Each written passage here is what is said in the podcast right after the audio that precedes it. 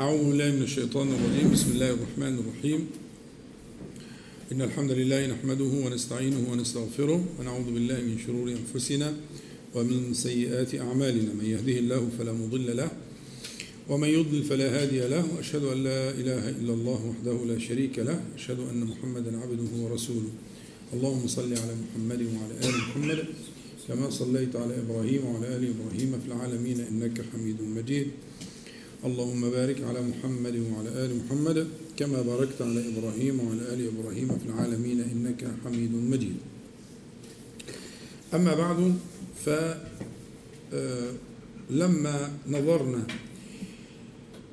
في دخولنا إلى المساجد وتوقفنا عند وظائف المساجد وعلمنا أن المساجد هي صمامات الأمان للأرض.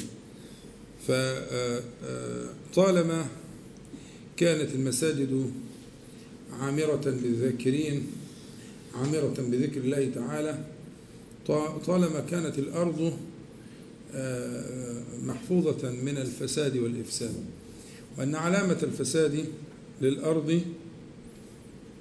والإفساد فيها هو خراب مواطن مواطن ذكر الله تعالى. لو هدمت صوامع وبيع وصلوات ومساجد يذكر فيها اسم الله كثيرا فنظرنا في المساجد ونظرنا في قضية الإصلاح وأن الله سبحانه وتعالى وما كان ربك ليهلك القرى بظلم يعني أن يكون ظالما في هذا الإهلاك وأهلها مصلحون. والإصلاح آيته وعلامته يعني ليس هو هو عين الإصلاح لكن علامة الإصلاح وآية الإصلاح إعمار بيوت الله تعالى بالذكر. ومن إعمال الله تعالى ومن إعمال بيوت الله تعالى بالذكر يكون الإصلاح. فهو مبدأ الإصلاح لك أن تقول هو أساس الإصلاح نعم. هو مجمع الإصلاح نعم. لكن لا إصلاح لا إصلاح مع خراب بيوت الله تعالى. لا إصلاح مع خلو بيوت الله تعالى من الذاكرين. لا إصلاح. مهما كان مهما تصورنا من أشكال الإصلاح من العمران. يعني لو تصورنا أن العمران في, في الأرض هو إصلاح لا هذا العمران مفتقر إلى هؤلاء الذاكرين. فربما تجد بلادا فيها من العمران ما فيها وهي خربة لأنها خالية من ذكر الله تبارك وتعالى ومن الذاكرين. آية الإصلاح ذلك كما بينا مرارا وارجع للتسجيلات السابقة في التعلق بآية سورة البقرة وآية سورة الحج وآية سورة الروم. إنها الآيات التي بيناها كثيرا وارجعوا إليه. فنحن الآن في قضية الإصلاح وقلنا إن من كمال الإصلاح أن تعلم حد الإفساد وأن تعلم ماذا تصلح يعني المصلح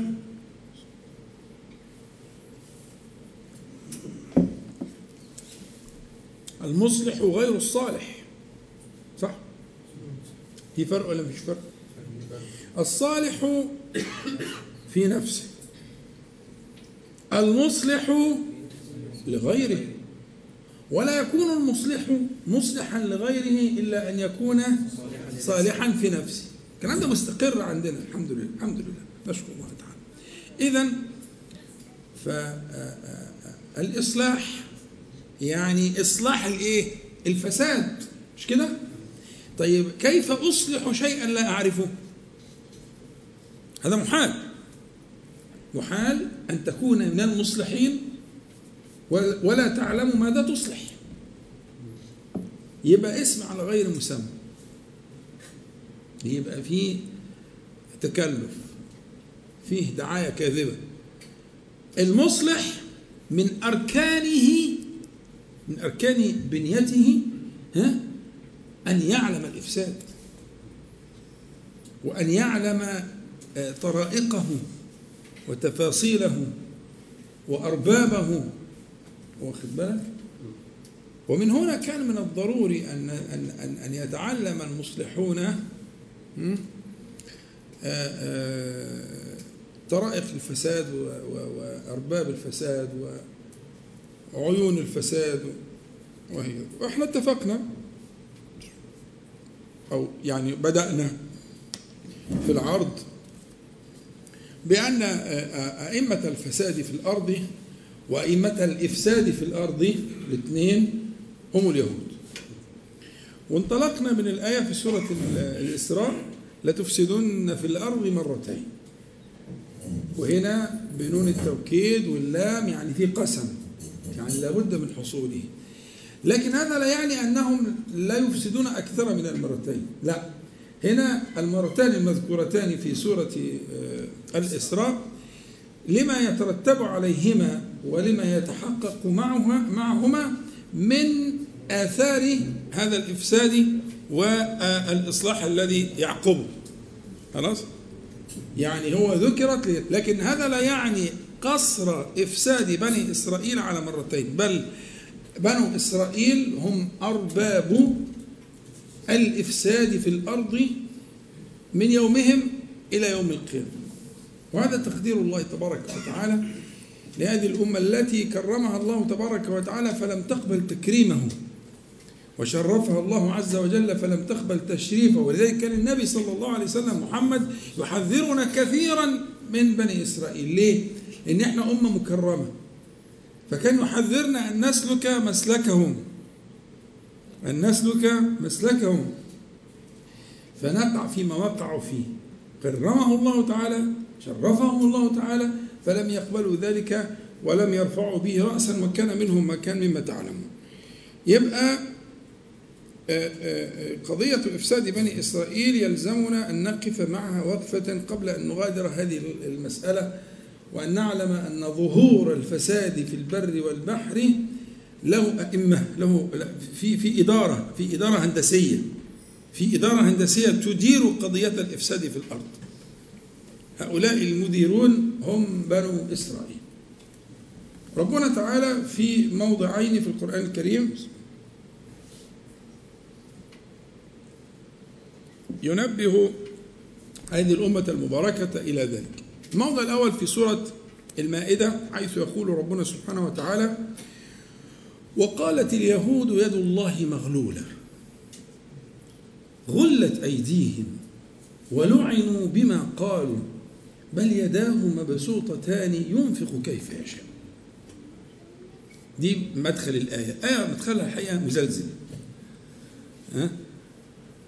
وقالت واليهود ربنا سبحانه وتعالى يكشف آه، آه، آه، سترهم للحذر منهم. يعني إنما ضموا إلى إلى ما هم فيه قبحا ووقاحة وتعديا وسوء أدب مع الله تبارك وتعالى ومع أنبيائهم حتى بلغوا أنهم قتلوا الأنبياء.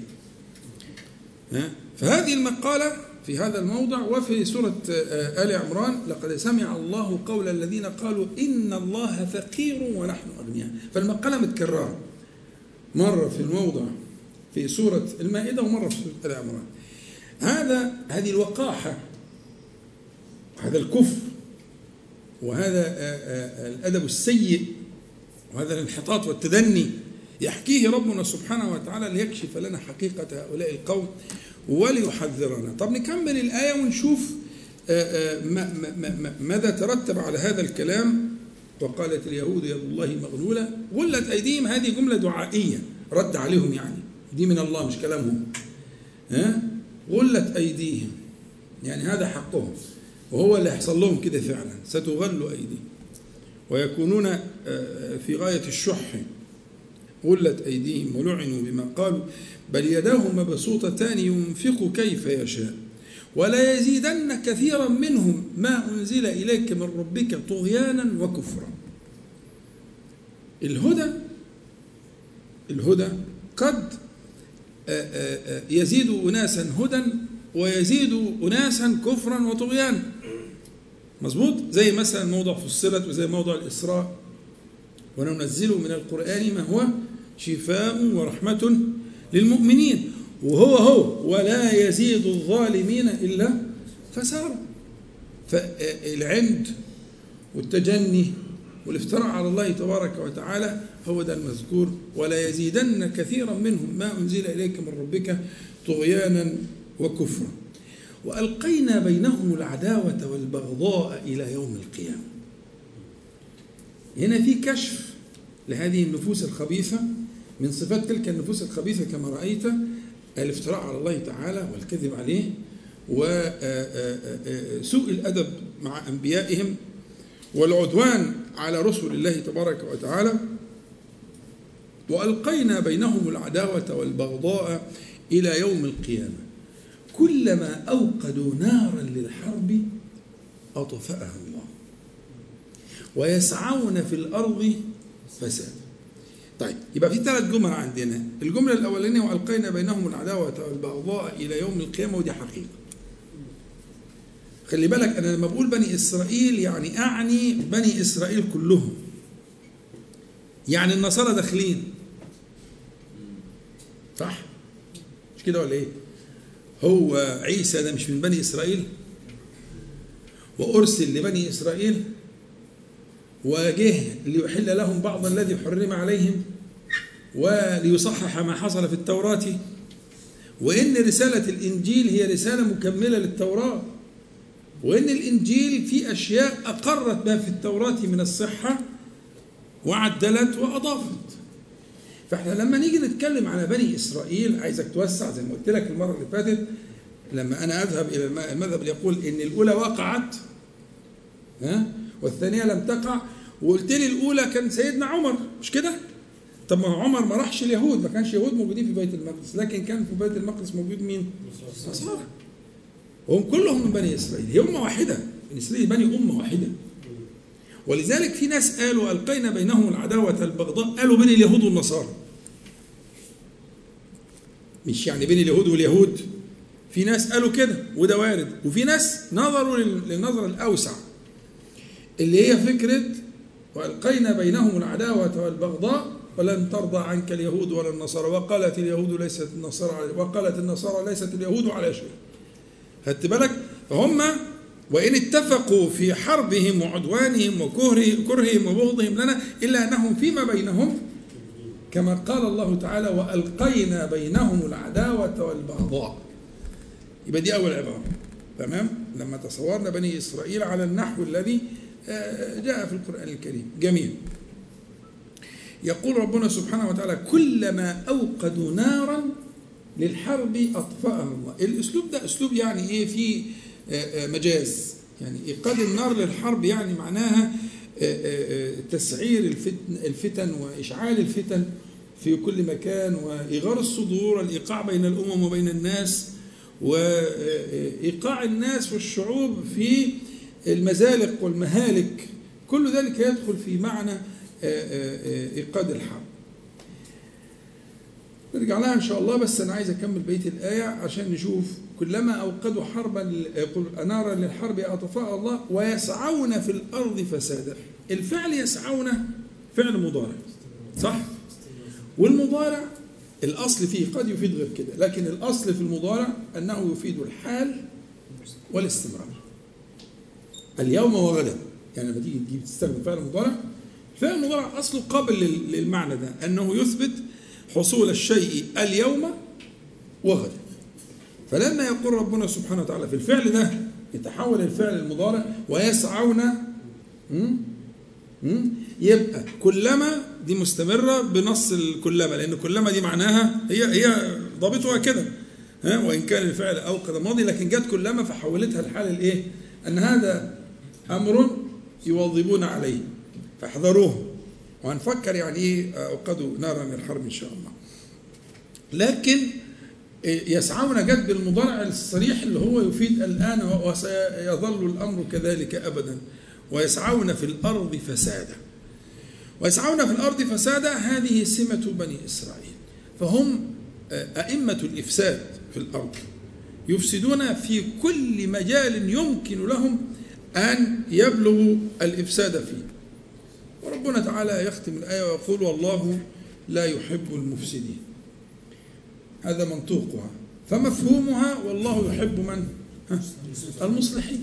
الله لا يحب المفسدين. والله لا يحب المفسدين. ومفهومها أنه سبحانه وتعالى جل جلاله يحب المصلحين. فكونوا أيها الأمة المباركة المخاطبون بالقرآن بقى فكونوا أنتم آه, آه فكونوا أنتم المصلحين على النحو الذي يحب الله تعالى منكم. آه، مسألة إيقاد نار الحرب بهذا التركيب البلاغي اللي هو إيقاد نار الحرب آه، يعني أنت لو بحثت في كل آه، باب من أبواب الإفساد في الأرض فستجد خلفه عقول اليهود. اضرب أي مثال كيف شئت أنا معك. وعند التحليل والتدقيق ستجدهم خلف الفن بكل صورة. اليهود طبعا بنو إسرائيل في العموم لكن اليهود كأنهم العقل المدبر كأنهم العقل المدبر. حينما ينفردون ينفرد اليهود بذلك على الحقيقة لأن اليهود هم يعني مكانهم لهم خصوصية في بني إسرائيل. يعني لهم لهم خصوصية في بني إسرائيل. لكن في أحكام بيشتركوا فيها الاثنين. يعني مثلا في نفس السورة لتجدن أشد الناس عداوة للذين أمنوا اليهود والذين أشركوا. مظبوط؟ ولتجدن أقربهم مودة للذين الذين قالوا إنا نصر ذلك بأن منهم قسيسين ورهبانا وأنهم لا يستكبرون وإذا سمعوا الآخر الآيات. صح؟ فهنا في حصل تفريق. في في يهود أسلموا بس قلة. لكن الغالب عليهم فخلي بالك الأحكام القرآنية كلها أحكام أغلبية. أحكام أغلبية مش أحكام آه، آه، إحصائية. 1% و3% و7% لا. الأحكام القرآنية أحكام أغلبية. فإنما حينما نطلق الحكم يذهب إلى ما يناسبه في, في, في الذين أطلقنا عليه. فهم أنت لو دورت هتلاقي الفن. هتلاقي الربا في العالم المصارف الربوية. فكرة فكرة المصارف أصلا الربوية. والتحكم في المال الربوي اللي في العالم. هتجد الأزياء هتجد الملاهي هتجد العري هتجد تجارة السلاح بين الدول وتسعير تسعير الفتن والنزاعات بين البلاد. هتجد المراهنات والمقامرات في العالم كله افتح أي باب من أبواب الخراب أي باب من أبواب الخراب على الأمم ستجد خلفه عقولا يهودية وأنا معك. وابحث. وهذا أمر مقطوع به. وإن لم يصرح به أحد يعني من من غيرهم يعني من للخوف لل... لكن دي الحقيقة. هذا هذه الملاهي وهذا العري وهذه يستعملون غيرهم لكنهم هم المدبرون وهم المؤسسون كلما أوقدوا نارا للحرب. إنهم دائما يسعرون ذلك بين الناس ويوقعون الناس في الفساد تجدهم. يعني مثلا في عائلة اسمها عائلة عائلة روتشيلد. عائلة روتشيلد دي عائلة أصلا ألمانية هم يهود. دي أغنى عائلة في الدنيا في التاريخ. ويستخدمون أموالهم استخدام في منتهى الخطورة. يعني أنت ممكن لو قريت مثلا عن روتشيلد وعلى هذه العائلة وكيف تصرف أموالها في في خدمة هذه ال ال وكيف يستثمرونها بالشكل اللي هو آه، في, في تلك الأبواب المحرمة ها وفتن الأمم. شيء عجيب. يعني العالم كله مواطن الفساد والإفساد في العالم كله تجد هؤلاء هنا أو هناك. سعوا إلى الأرض المباركة اللي هنتكلم عليها إن شاء الله كمان شوية آه، حتى إن في فيديو غريب جدا جدا. البابا بتاع الفاتيكان بيقبل إيد آه، آه، روتشيلد أو رؤوس العائلة. حاجة غريبة جدا. والبابا اللي هو كان اسمه Jean Paul deux اللي هو يوحنا بولس الثالث. يوحنا بولس الثاني. عارفينه؟ ده برأهم من دم المسيح. على ادعائهم يعني المسيح المفروض إن هم آه، في ادعائهم قتلوه. لكن برأهم وقال ليسوا هؤلاء الذين فعلوا. وأصدر يعني بيانا من الكنيسة معتمد من من الكبار الكهنة أنهم أن اليهود يهود العالم دلوقتي براء من دم المسيح. والله هذا الكلام الواحد يعني يعني يعجب له. في دكتورة عظيمة جدا اسمها الدكتورة زينب عبد العزيز.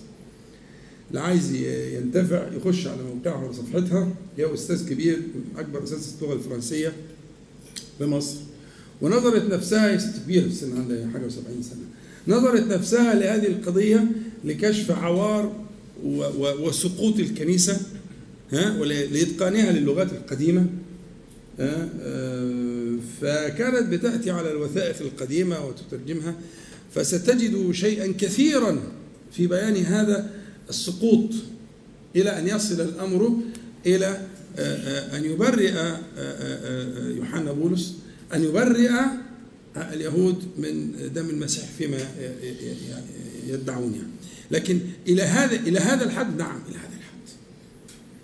فلك أن تتصور مدى السلطان والسطوة و و و والدسائس والفساد ال ال ال ال الذي ما ترك شعبا ولا واديا إلا دخله ومن ورائه يهود إلى أن جاءوا إلى الأرض المقدسة الأرض المباركة. وإن شاء الله نتكلم عليها في القسم الثاني.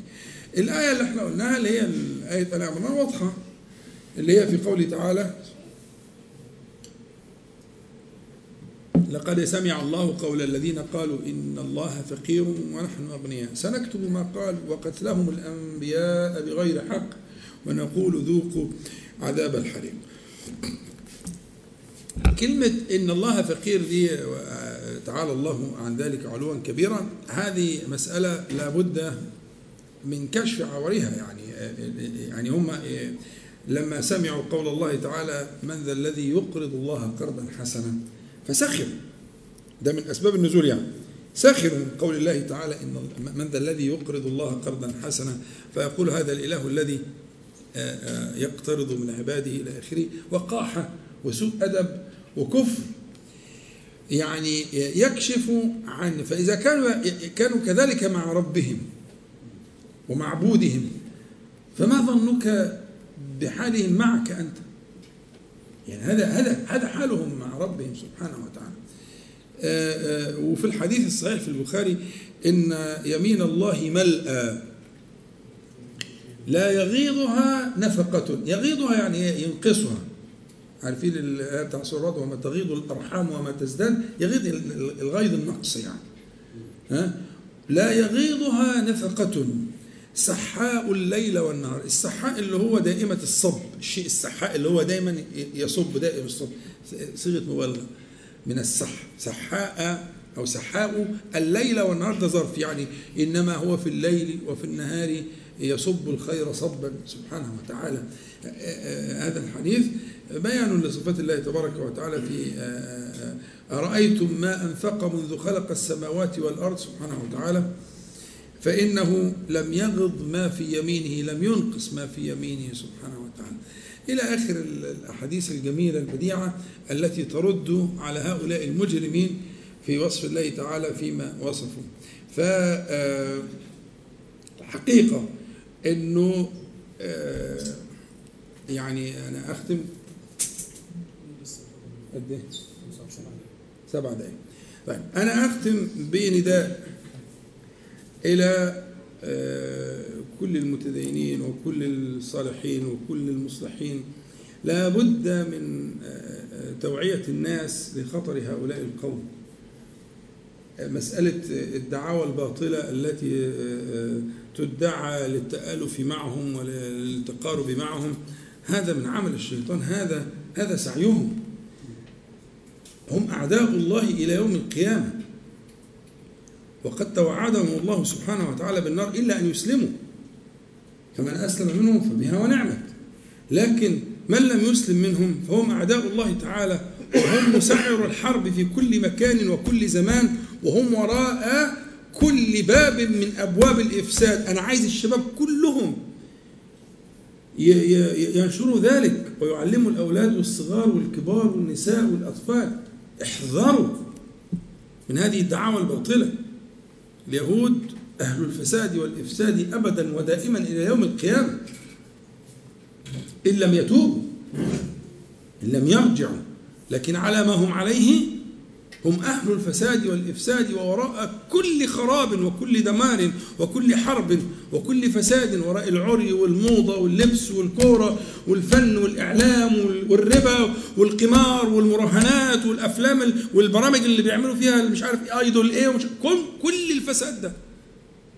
كل ما ترى من الفساد وراءه اليهود نبهوا أنفسكم وأهلكم وإخوانكم وأولادكم. لا بد من البيان والبلاغ القضية قضية وعي. اليهود يراهنون على غياب الوعي. بأخطر سلاح موجود دلوقتي. السلاح الخطير دلوقتي مش السلاح النووي. يا السلاح النووي غير قابل للاستعمال. أنتم مؤمنين بالفكرة ولا لأ؟ السلاح النووي غير قابل للاستعمال. عارفين ليه؟ لأنه هيدمرك ويدمر غيرك. ما هو غير قابل للاستعمال. هو سلاح ردع. لكن لو قامت حرب نووية سيدمر الجميع. ما فيش حد ناجي. لأن ده عنده وده عنده. مظبوط؟ لكن السلاح الماضي الخطير المدمر هو إيه؟ الإعلام. تغيير العقول والمفاهيم وتشويه التصورات وتزييف التاريخ. تزييف التاريخ يا أولاد الشباب مش عارفين يعني إيه فلسطين. مش عارفين يعني إيه الأرض المباركة. ولادكم واخوانكم والاصغر منكم والاكبر منكم في الشوارع وفي الأماكن وفي النوادي وفي المدارس. مساله في منتهى الخطورة. وعليكم واجب إحنا حتى لا نعتذر والله تعالى بالبيان. لابد من البيان. كل صور الفساد والإفساد الذي ترون وراء هؤلاء. فأن لهم أن يدعوا مسالمة أو إلى آخره. ها؟ إنما يسعون في الأرض فسادا كما قال الله تعالى. أنا مش كلام أنا كلام ربنا. حطها كده عنوان عندك. وقلنا يسعون ها؟ يعني النهارده وبكرة وإلى يوم القيامة. صفة اليهود يسعون في الأرض فسادا. يسعون في الأرض فقول كده يسعون في الأرض احفظها. فلا يهدأ لك بال حتى تبلغ ذلك وحتى تنشره حتى تقذف هذا الوعي. في قلوب الناس وحتى ترد الناس الناس إلى الجادة وإلا هي مشكلة خطيرة. لو خرجت أجيال وده وارد لا قدر الله إن شاء الله مش هيكون. لكن لو لو سارت الأمور على ما هي عليه لخرجت اجيال لا تعرف الحق ولا تميز. واخدين بالكم؟ فوظيفة إيه، إيه، أن نوعي أنفسنا أولا ثم أن نوعي غيرنا وأن نذكر ذلك للناس وأن نردهم ولا ننسى أن هؤلاء القوم قال الله عز وجل فيهم كلما أوقدوا نارا للحرب أطفأها الله ويسعون في الأرض فسادا والله لا يحب المفسدين. نسأل الله تعالى أن ينفعنا بما قلنا وما سمعنا أن يجعل حجة لنا لا علينا رب العالمين. عشان برضو التأخير بسبب الطريق وكده فإن شاء الله هناخد فاصل قصير. راحة يعني ونستأنف بعد الراحة مباشرة إن شاء الله سبحانك اللهم ربنا بحمدك أشهد أن لا إله إلا أنت أستغفرك تفضل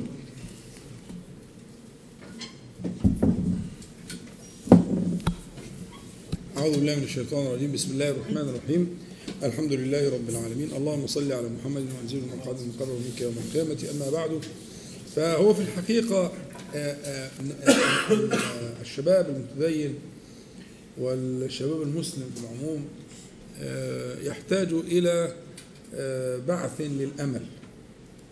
يحتاج إلى بعث للأمل. لما يرون من المحبطات؟ يعني في المحبطات تكاثرت في في أيام الناس هذه فالشباب يحتاجون إلى بعث للأمل. والنبي عليه الصلاة والسلام يقول أبشروا وأملوا. فبعث الأمل سيكون منبعه ويكون مبناه على الكتاب والسنة. يعني ليس بعث الأمل إنما هو آه، كلام آه، لتطيب الخواطر أو تسكين الناس من غير أصول آه، في الكتاب والسنة. لا في القرآن الكريم وفي سنة النبي صلى الله عليه وسلم ما يقطع بأن ما ترون لا يدوم. إن هذا الذي ترون الآن لا يدوم. يعني سننطلق من قاعدة أن هذه الأرض المباركة هي الأرض التي اختارها الله سبحانه وتعالى. هي أرض الشام. أرض الشام هي الأرض المباركة. وقد وصفها الله تبارك وتعالى هذا الوصف في القرآن في خمسة مواضع.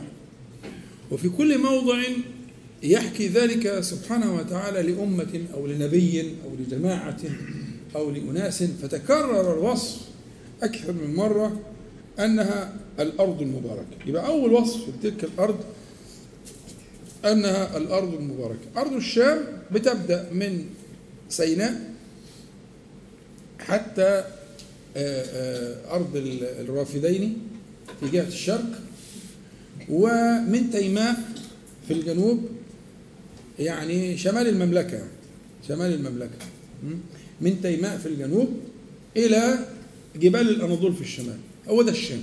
يعني الشام الجغرافي الشام اللي مذكور في السنة الشام اللي موجود في, في أشير إليه في القرآن بالأرض المباركة خمس مرات هو تحده الحد الجغرافي ما سمعت. الحد الجغرافي من جهة آه، آه، الغرب سيناء. بما فيها من جبل الطور المنصوص عليه في القرآن الكريم في موضعين وذكر آه، سيناء بالاسم وطور سينين بالاسم. فإلى أرض الرافضين في جهة الشرق إلى الشمال إلى جبال الأناضول في الشمال وفي الجنوب إلى أرض تيماء اللي هي شمال المدينة المنورة يعني بمسافة معينة. تمام؟ هذه اسمها أرض الشام.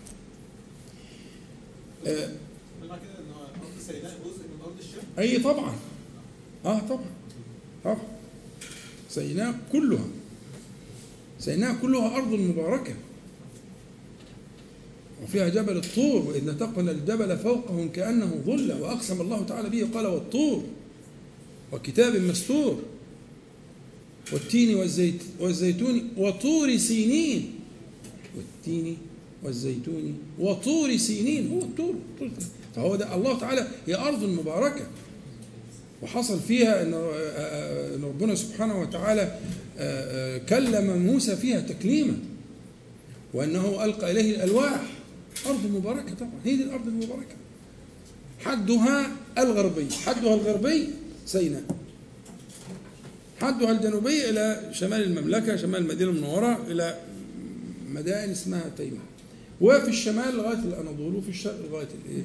بلاد الرافدين. تمام؟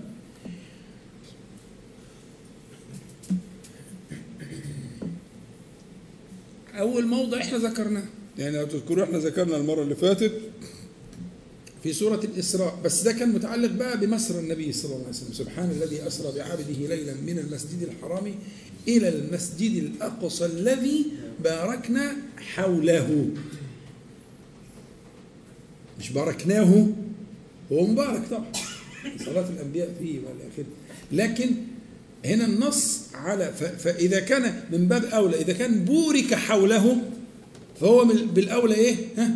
مبارك. هو بالأولى مبارك. لكن هنا النص الذي باركنا حوله فجعل الله تبارك وتعالى تلك الأرض التي حوله هي أرض مباركة وهي, وهي مهاجر إبراهيم.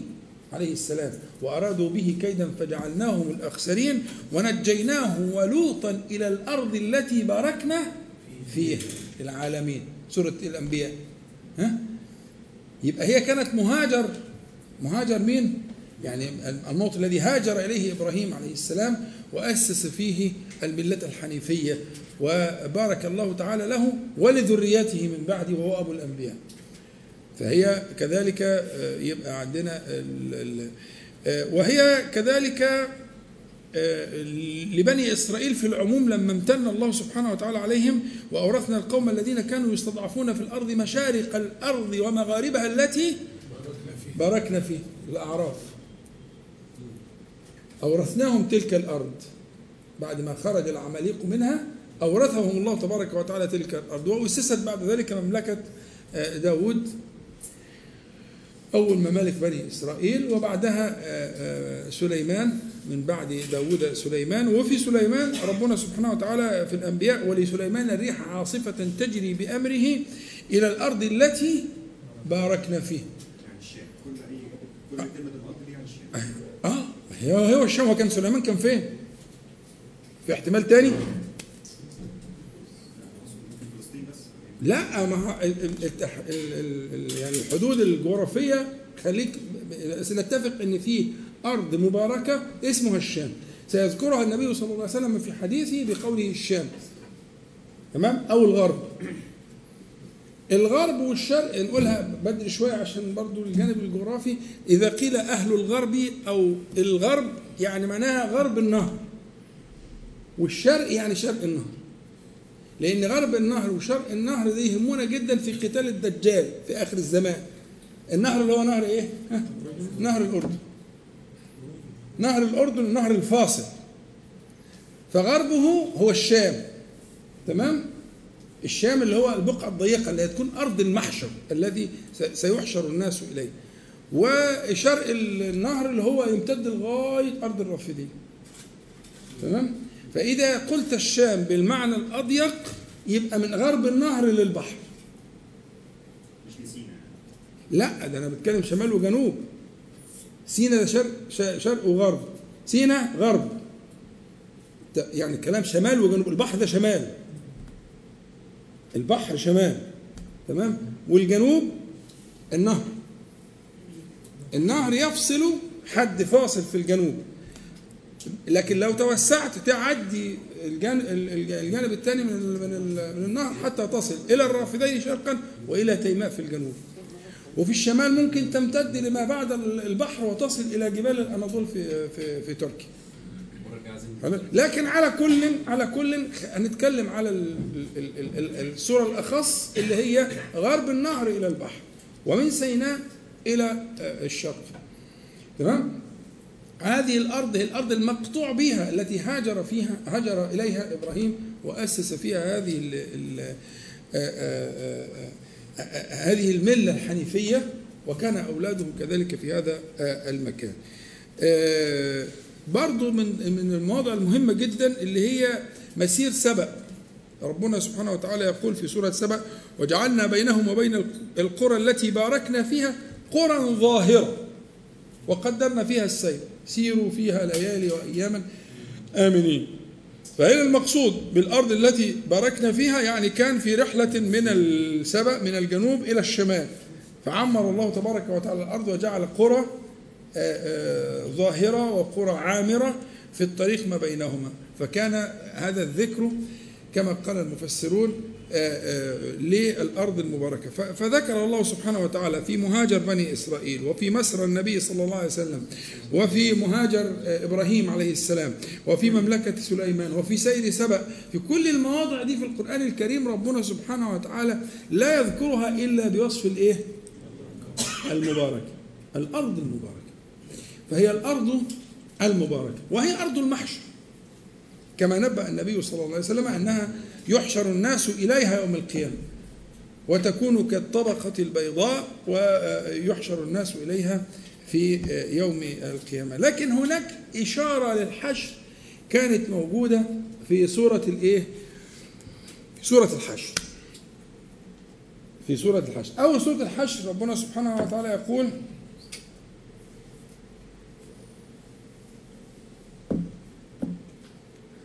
هو الذي أخرج الذين كفروا من أهل الكتاب من ديارهم لأول الحشر. ما ظننتم أن يخرجوا وظنوا أنهم مانعتهم حصونهم من الله فأتاهم الله من حيث لم يحتسبوا وقذف في قلوبهم الرعب يخربون بيوتهم بأيديهم وأيدي المؤمنين فاعتبروا يا أولي الأبصار. إيه الآية دي معناها إيه؟ بدايتها هو الذي. دي تاني آية في السورة. هو الذي. هو الذي قلنا أكثر من مرة معناها قصر. إن المبتدأ معرفة والخبر معرفة. فلما أقول هو الذي يعني معناها وليس غيره وليس غيره ولا يقدر على ذلك سواه. دي معنى كده. أي هو الذي أي هو الذي في القرآن الكريم من أوله لآخره معناها كده ودلالتها كده. فيها تنبيه على معنى الإيه؟ على معنى القدرة الإلهية وقصر الفعل على الله تعالى وأنه لا يقدر على هذا الفعل إلا الله. ماشي بقى على كده في القرآن كله. يبقى هو الذي أخرج. يبقى الحاجة هنا هتكون عبارة عن إيه؟ هتكون حاجة لا يقدر عليها إلا الله. بدليل اللي بعديها. بس إحنا جاي نجيب عشان كلمة أول الحشر. وكل ما له أول يا دكتور محمد له إيه؟ آخر. صح؟ كل ما له أول له آخر. ولذلك من أسماء الله تعالى هو الأول والآخر. فالأول فسرها النبي صلى الله عليه وسلم إيه؟ بأنه إيه؟ اللهم أنت الأول فليس قبلك شيء وأنت الآخر فليس بعدك شيء. لكن كل ما هو أول لابد له كل ما له أول ما كان له أول له ابتداء يعني. فله إيه؟ انتهاء. جميل. يبقى لأول الحشر يبقى في آخر الحشر. يبقى الحشر الأول اللي كان آه، آه، في آه، أيام النبي صلى الله عليه وسلم لبني النضير. هم بني النضير كانوا من القوة والمنعة على النحو الذي لا يتصور بنص القرآن. هو الذي أخرج الذين كفروا من أهل الكتاب من ديارهم لأول الحشر للحشر الأول. ها؟ ما ظننتم أن يخرجوا. يعني حساباتكم العسكرية الاستراتيجية إلى آخره تقول بأن هؤلاء لا يخرجون. صح؟ لازم كده. لأن لو حساباتكم بتقول كده كانت تبقى المسألة مقتضى الحساب والعقل والدراسات والقوة. لكن هي ال ال ال ال العجب جاي فين؟ عشان هو الذي دي. إنها خارج الحساب. خارج الحساب ما ظننتم أن يخرجوا. أنتوا أنتوا خبراء. مش كده وبس. وظنوا هم كمان أنهم منعتهم حصونهم من الله. يعني خلاف الظنون سبحانه وتعالى. خلف ظنكم وظنهم. بشيء لا لا يخطر على بالكم ولا على بالهم. أصل الآية آخرها فاعتبروا يا حضرات أنتوا الخطاب ليكم. فاعتبروا. عارف اعتبروا يعني إيه؟ اعتبروا يعني عبور. يعني اعبر مما تسمع إلى حالك. ما هو خذ خذ العبرة من شيء ما معناها إيه؟ اعبر من الشيء الذي تسمعه أو تراه إلى حالك أنت. هي العبرة. والعبرة اللي هي تخرج من العين بتعبر بت- بت- بتمشي على الخد. الفكرة فكرة انتقال من إلى. فاعتبروا يعني معناها اعبروا مما تسمعون إلى أحوالكم. فماذا تسمعون؟ تسمعون إن قوة اليهود كانت لا تقهر. بدليل القرآن. ما ظننتم أن يخرجوا ما ينفعش دول يخرجوا يخرجوا إزاي؟ ده عندهم اللي مش عند حد. من كل الأنواع أنواع القوة بكل أشكالها. وظنوا هم كمان أنهم مانعتهم حصونهم بس بقى إيه؟ ها؟ يا أولاد الإيه؟ إجرام إجرام تعدي لكل الحدود. منعتهم حصونهم مش منكم ده أنتوا ولا حاجة. أنتوا مالكوش وزن أصلا. في نظرهم. ده منعتهم حصونهم من الله. إيه ده؟ هو في كده؟ آه والله العظيم في كده بس أنت مش واخد بالك وفي أكتر من كده. إن الله فقير ونحن أغنياء. يد الله مغلولة. في أكتر من كده آه. عشان تفهم إيه ك- ك- عقولهم وأفهامهم وأديانهم وما بينهم وبين الله تعالى وظنوا أنهم مانعتهم حصونهم من الله. فأتاهم الله من حيث آه. هي دي بقى جمالها. جمالها إنها تيجي من الجهة التي لا تقع في الحسبان. خلي بالك لا حسبانك أنت ولا حسبانهم هم. مظبوط؟ نحن في أمس الحاجة لهذا الكلام. الآية الثانية من سورة الحشر. في أمس الحاجة له عشان في النهاية فاعتبروا. فأتاهم الله من حيث لم يحتسبوا وقذف في قلوبهم الرعب. طب الرعب ده مخلوق. إحنا قلنا قبل كده الأشياء دي مخلوقات مش السكينة شافها الصحابي آه، وهو بي بي بيصلي بيقرأ سورة. وبعدين شافها متدلية كالثريا كده. النبي صلى الله عليه وسلم قال له تلك السكينة تنزلت لقراءتك. دي مخلوقات السكينة دي مخلوق. السكينة مخلوق وما يعلم جنود ربك إلا هو. يقول نصرت بالرعب مسيرة شهر. مخلوق. خلقه الله تعالى. ها؟ في الحديث الصحيح. ماشي؟ يبقى هنا بنقول إيه؟ وقذف في قلوبهم أهو الرعب. مخلوق خلقه الله تعالى. طب فكان حصل إيه لما ما مقتضى ذلك؟ ما الذي ترتب على ذلك؟ آه يخربون بيوتهم بأيديهم اولا. وأيدي المؤمنين. مش موازين قوة ولا حاجة. حاجة وراء موازين القوه بس كانوا الصحابة رضي الله عنهم. آه. حاجة وراء ذلك. يبقى إيه؟ يخربون بيوتهم بأيديهم وأيدي المؤمنين فاء. فاء هنا تفريع. فهمت؟ سمعت علمت اعتبر. يعني اعتبر. يعني تعالى اعبر بقى معايا. اعبر نعبر سوا. نعبر منين لفين يا مولانا؟ نعبر من الآية المتلوة للحال اللي أنا وأنت عايشينه النهارده. 1439 مظبوط؟ بعد 1400 قول مثلا حاجة و30 سنة. هم؟ تعال نعبر لأن ربنا تعالى الذي أمرنا فاعتبروا قال اعبروا إن الله على كل شيء قدير. فالتنبيه هنا. ده الغرض كان من الآية هي فكرة لأول الحشر. فللحشر آخر. إيه آخر الحشر؟ هو الذي نقول لنفس الأرض. إنما حشروا لأرض ايليا وحشروا للشام. تمام؟ فيبقى ال ال ال ال ال ال هي أرض المحشر التي سيحشر الناس إليها وهي أرض المعاد والمنتهى. ولذلك هم أهل العلم بيقولوا إن المبدأ كان في مكة والمنتهى هيكون في الشام. مبدأ الأمر وأصله وأصل رسالة التوحيد بدأت في مكة ومنها حصل دحي الأرض كان من مكة والمنتهى سيكون في الشام ولذلك كانت هذه الرحلة رحلة النبي صلى الله عليه وسلم من مكة إلى إلياء إلى بيت المقدس. فهكذا سيكون الأمر. سيقول الأمر بالناس جميعا والأرض دي هتكون أرض طاهرة.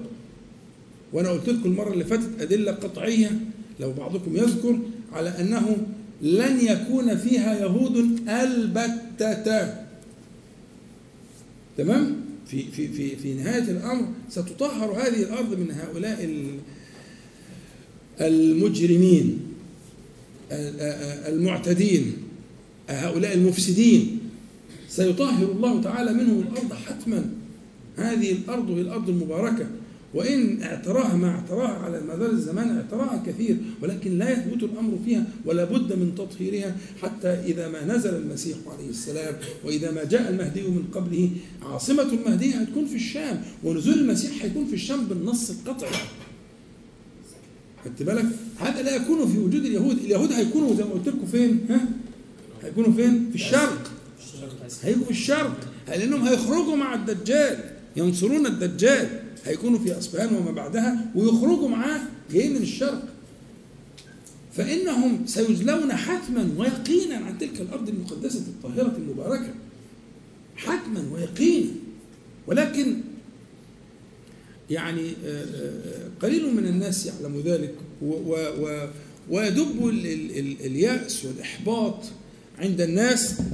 وواجب علينا على حضراتكم أن تعلموا هذه النصوص الشرعية فتبلغوا الناس أنه أن الله سبحانه وتعالى جعل الطائفة المنصورة في هذه الأرض إلى يوم القيامة. يعني الحديث الشهير الموجود في الصحيحين وغيره في غير الصحيحين لا تزال طائفة من أمتي ظاهرين على الحق لا يضرهم من خالفهم حتى يأتي أمر الله وهم كذلك.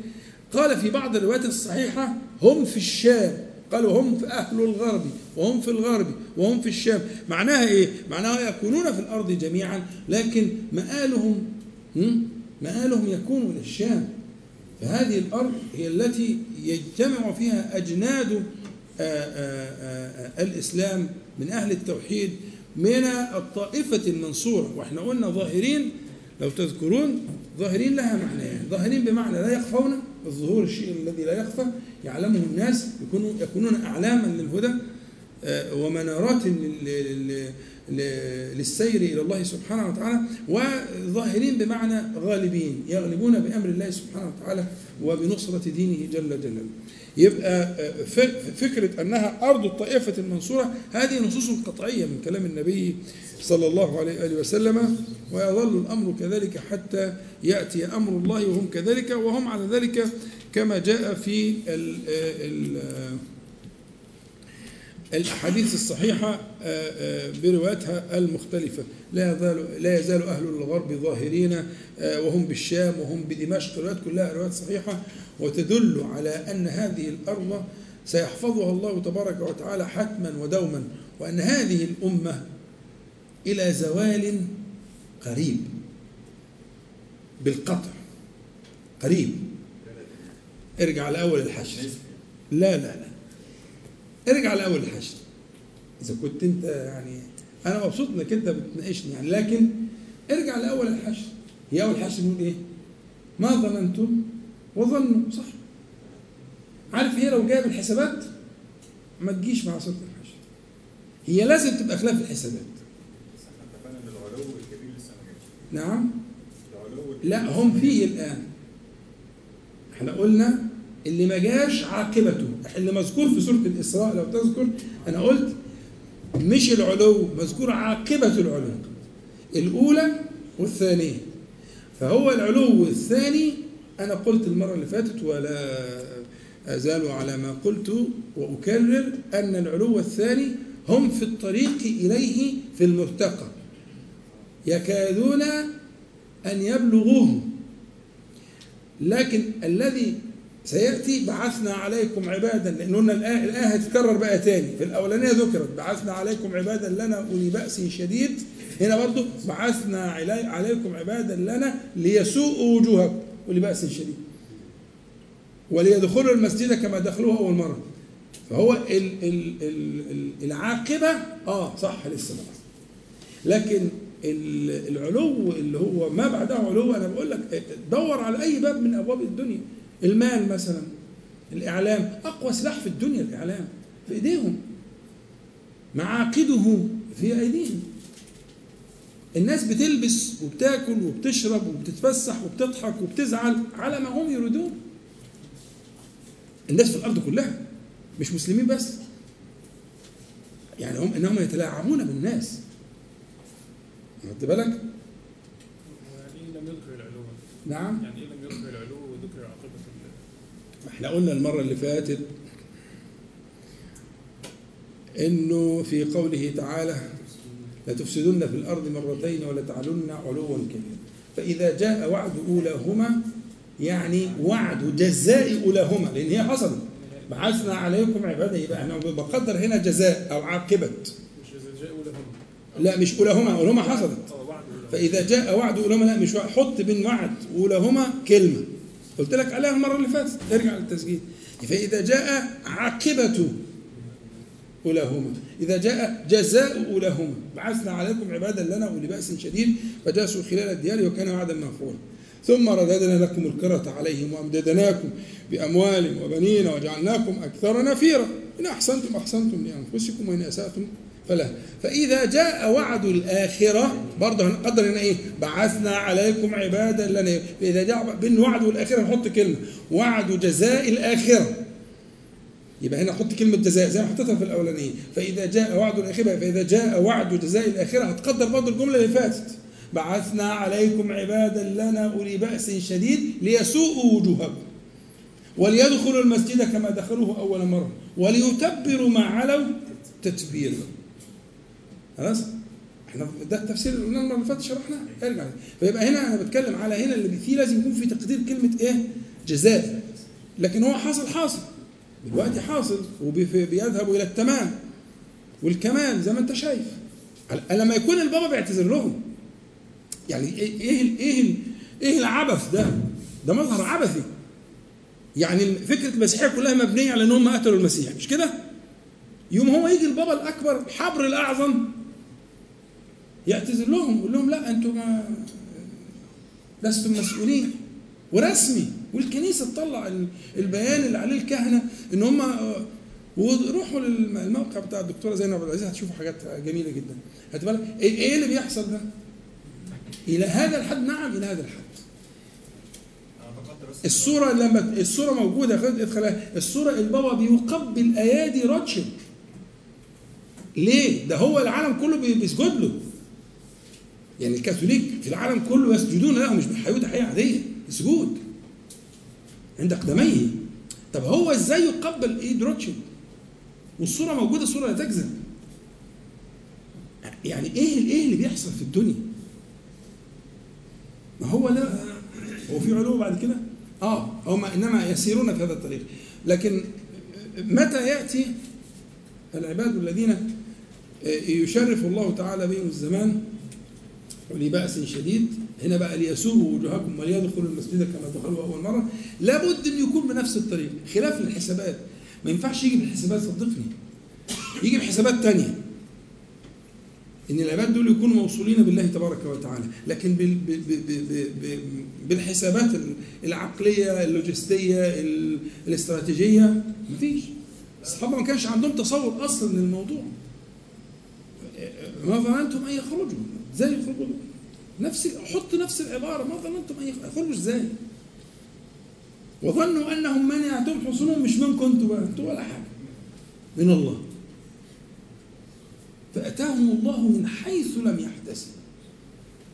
يعني عاملين حساب كل حاجة بس في حتة مش عاملين حساب. هي دي إزاي وقذف في قلوبهم الرعب. آه. الرعب المخلوق ده. يخربون بيوتهم بأيديهم وأيدي المؤمنين. فاعتبروا يا أولي الأبصار. فعايزين بصيرة بس عايزين بصيرة. بصيرة الإيمان. خدت بالك؟ طيب إحنا كده إيه؟ بس ربع ساعة ده لسه 10 دقايق. 10 10 دقايق.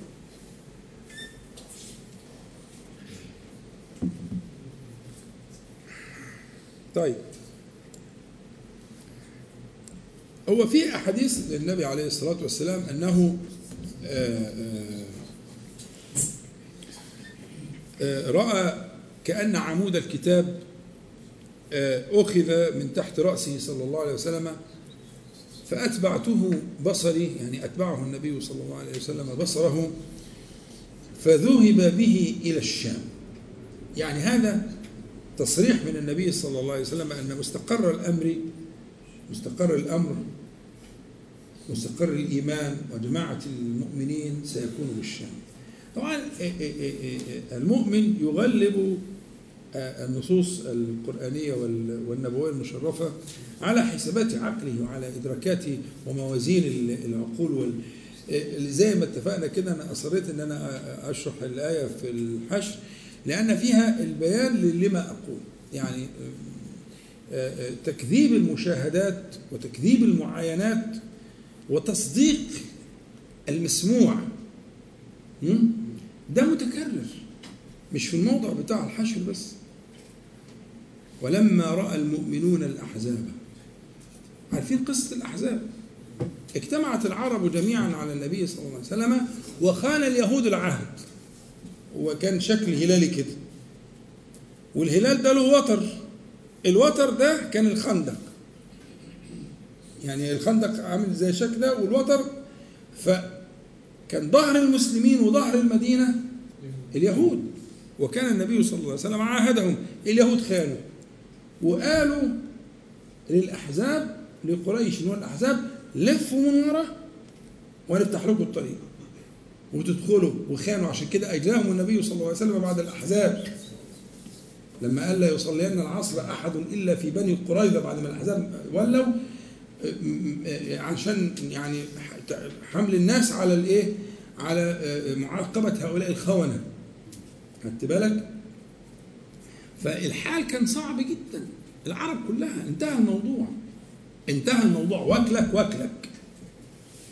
صح؟ طيب. ولما رأى المؤمنون الأحزاب قالوا هذا ما وعدنا الله ورسوله وصدق الله ورسوله وما زادهم إلا ها إيمانا وتسليما. اديني عقلك بقى. لا هاته على جنب.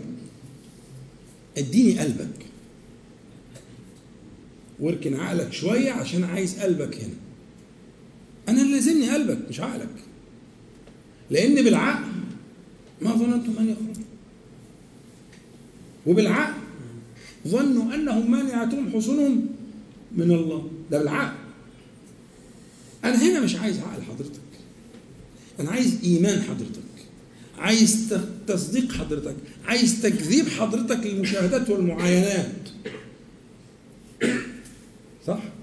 طب شوف الموضع الثاني العمران. ديك الأحزاب. شوف العمران. الذين قال لهم الناس إن الناس قد جمعوا لكم فاخشوا الناس اللي الإعلام.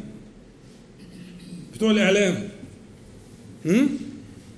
قال لهم الناس بتوع الإعلام إن الناس قد جمعوا لكم فاخشوهم شوفوا مصلحتكم لا قبل لكم بهم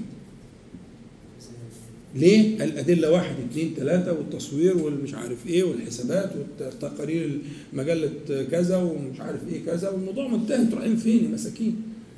أيها الحفاة والعراة رايحين فين؟ أنتوا مالكم مال القصة دي؟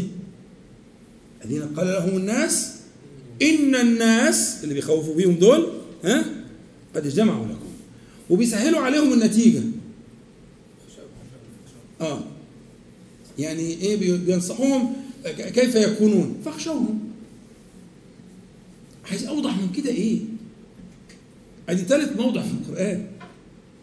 موضع الحشر وموضع الأحزاب وموضع العمران. عايز إيه؟ طب قول لي عايز إيه؟ فزادهم فزادهم. يعني كان في بس ربنا بيزود المدد. إن الناس قد جمعوا لكم فاخشوهم فزادهم. يعني ربنا سبحانه وتعالى ثبت ربط على قلوبهم. كما حصل في الأحزاب حصل في في, في كل المواطن. والله تبارك وتعالى يربط على قلوبهم. ونطقوا بالكلمة ال- ال- ال- البديعة. حسبنا الله ونعم الوكيل. قالوا حسبنا الله ونعم يا حسبنا يعني إيه؟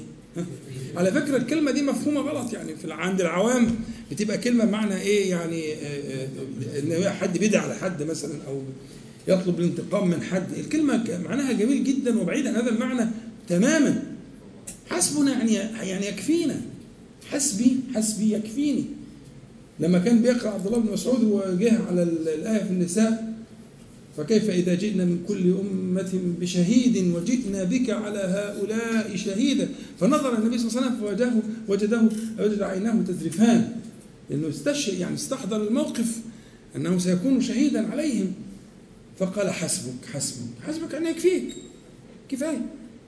كده يعني خلاص النبي مش قادر بقى. عليه الصلاة والسلام لما شهد المشهد ده. فحسبي معناها يكفيني. حسبي الله يعني يكفيني ربي سبحانه وتعالى. فحسبنا الله يعني يكفينا ربنا. ونعم الوكيل يعني نعم الوكيل هو. فقد وكلته في شأني وفي أمري. هي مش مش مش ده ما مفهومة عند العوام ده معناها بديع. معناها آه، من اللجوء إلى باب الله تعالى وتفويض الأمر إليه سبحانه وتعالى والرضا به جل جلاله وكيلا عنك في كل شأنك. قلها ألف مرة. والله إنك لتحتاجها أكثر من ألف مرة. ولذلك هي من أذكار الصباح والمساء. حسبي الله لا إله إلا هو عليه توكلت وهو رب العرش العظيم. سبعا في الصباح وفي المساء دي من الأذكار مهمة جدا منتهى الأهمية. بتذكر نفسك التكرار التكرار. أنت محتاج إلى ذلك. يكفيني ربي يكفيني ربي. مش عايز حد. على المستوى الفردي نعم. على المستوى الجماعي نعم. على مستوى أمة الإسلام إيه نعم. مش عايزين حد مش عايزين حاجة من حد. إحنا عايزين ربنا بس. ملناش غيره. والله حينما يتحقق ذلك انسف قواعد الاستراتيجيات دمرها تدميرا بس يتحقق الناس بحسبنا الله ونعم الوكيل. يتحقق الناس أنهم يكتفون بالله تبارك وتعالى. يكتفون به إلها ومعبودا ها؟ ويوكلونه في كل أمرهم جل جلاله وتباركت اسماؤه أنا جبت لك ثلاث مواضع ولو عايز أجيب لك تاني في القرآن غير السنة. هي القضية محسومة والله. بس حضرتك هم قالوها بعد ما خدوا نعم. هم قالوها بعد ما خدوا نعم بس بقياس الأسباب بقياس الأسباب كانت اسبابهم بالنسبة لأسباب آه، غيرهم أو عدوهم متواضعة جدا. بالذات آه، لو خدت حكم الإيه؟ الأطراف اللي هي كانت تدعي الحياد بتوع الإعلام دول. قالوا لهم إيه؟ ها قول معايا. لسه قال شوية. قال لهم إيه؟ الله يفتح عليك. لم الدور يا عم شوف حالك. أنت مالك ومال الخلق دي؟ ما هي دي فخشوهم. هي فخشوهم دي مبنية على إيه؟ على حسابات موازين القوى مش كده ولا إيه؟ أنت مالك ومال دول قبل اعتابهم وقدم آه، آيات العرفان وال- والتقدير. ولم نفسك انت غلبان دي معنى فاخشوهم. فاخشوهم معناها كده. لأن موازين القوى لا تسمح لك أصلا بإنك أنت تقعد على نفس المائدة أو تتكلم أو يقول لك كلام. مش مكانك. فاخشوهم. هي مسألة مسألة قلوب والله. قضيه قضيه قلوب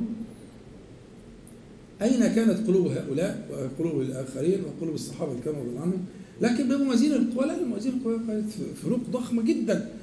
موازين القوى في الأحزاب كانت مذهلة أكثر من من أحد. موازين مذهلة. يعني طبعا لا قبل لهم. اليهود من من جهة والعرب كلها من جهة والموضوع منتهي. فأنت لو هتبحث في موازين القوى برضه نفس الكلام. موازين القوى هنا وهنا. فبالتالي يعني الأمر كذلك في في في كل الأحوال. الاسباب ما ليست يعني لا أنهاك عن السبب لكن لا لا يكن يقينك على السبب. لا يكن- توكلك على السبب لأن سببك غالبا ما سيكون ضعيفا وقليلا. ها؟ فإذا ما كان كذلك فحسبك الله. حسبك الله يكفيك الله سبحانه وتعالى. بس كن ممن يحسن ذلك.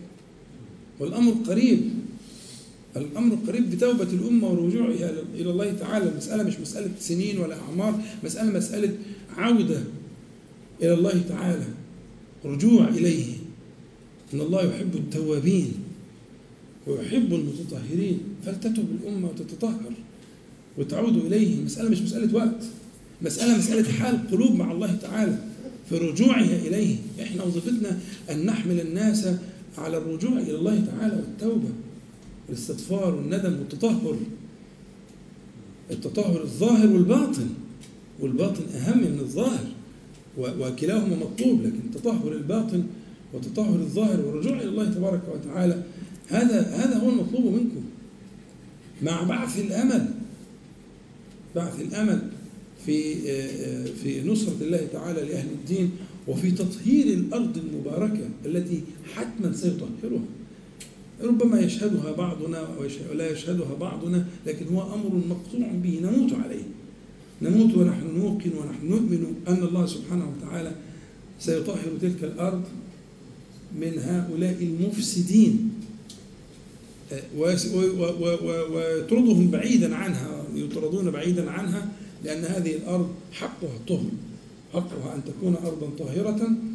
آه، آل إليها الإيمان وعمود الكتاب كما قال النبي صلى الله عليه وسلم وفيها العصابة المؤمنة الطائفة المنصورة إلى يوم الدين وفي غيرها قطعا يعني كما قال العلماء الإمام النووي وغيره. لكن لا تخلو هذه الأرض عن عصابة مؤمنة من الطائفة المنصورة.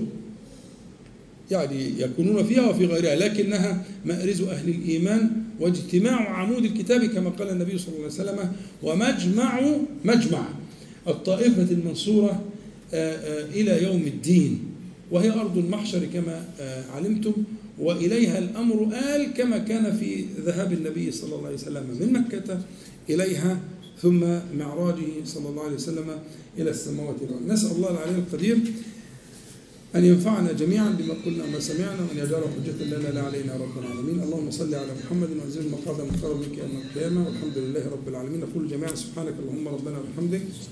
أشهد أن لا إله إلا أنت أستغفرك وأتوب إليك. السلام عليكم ورحمة الله.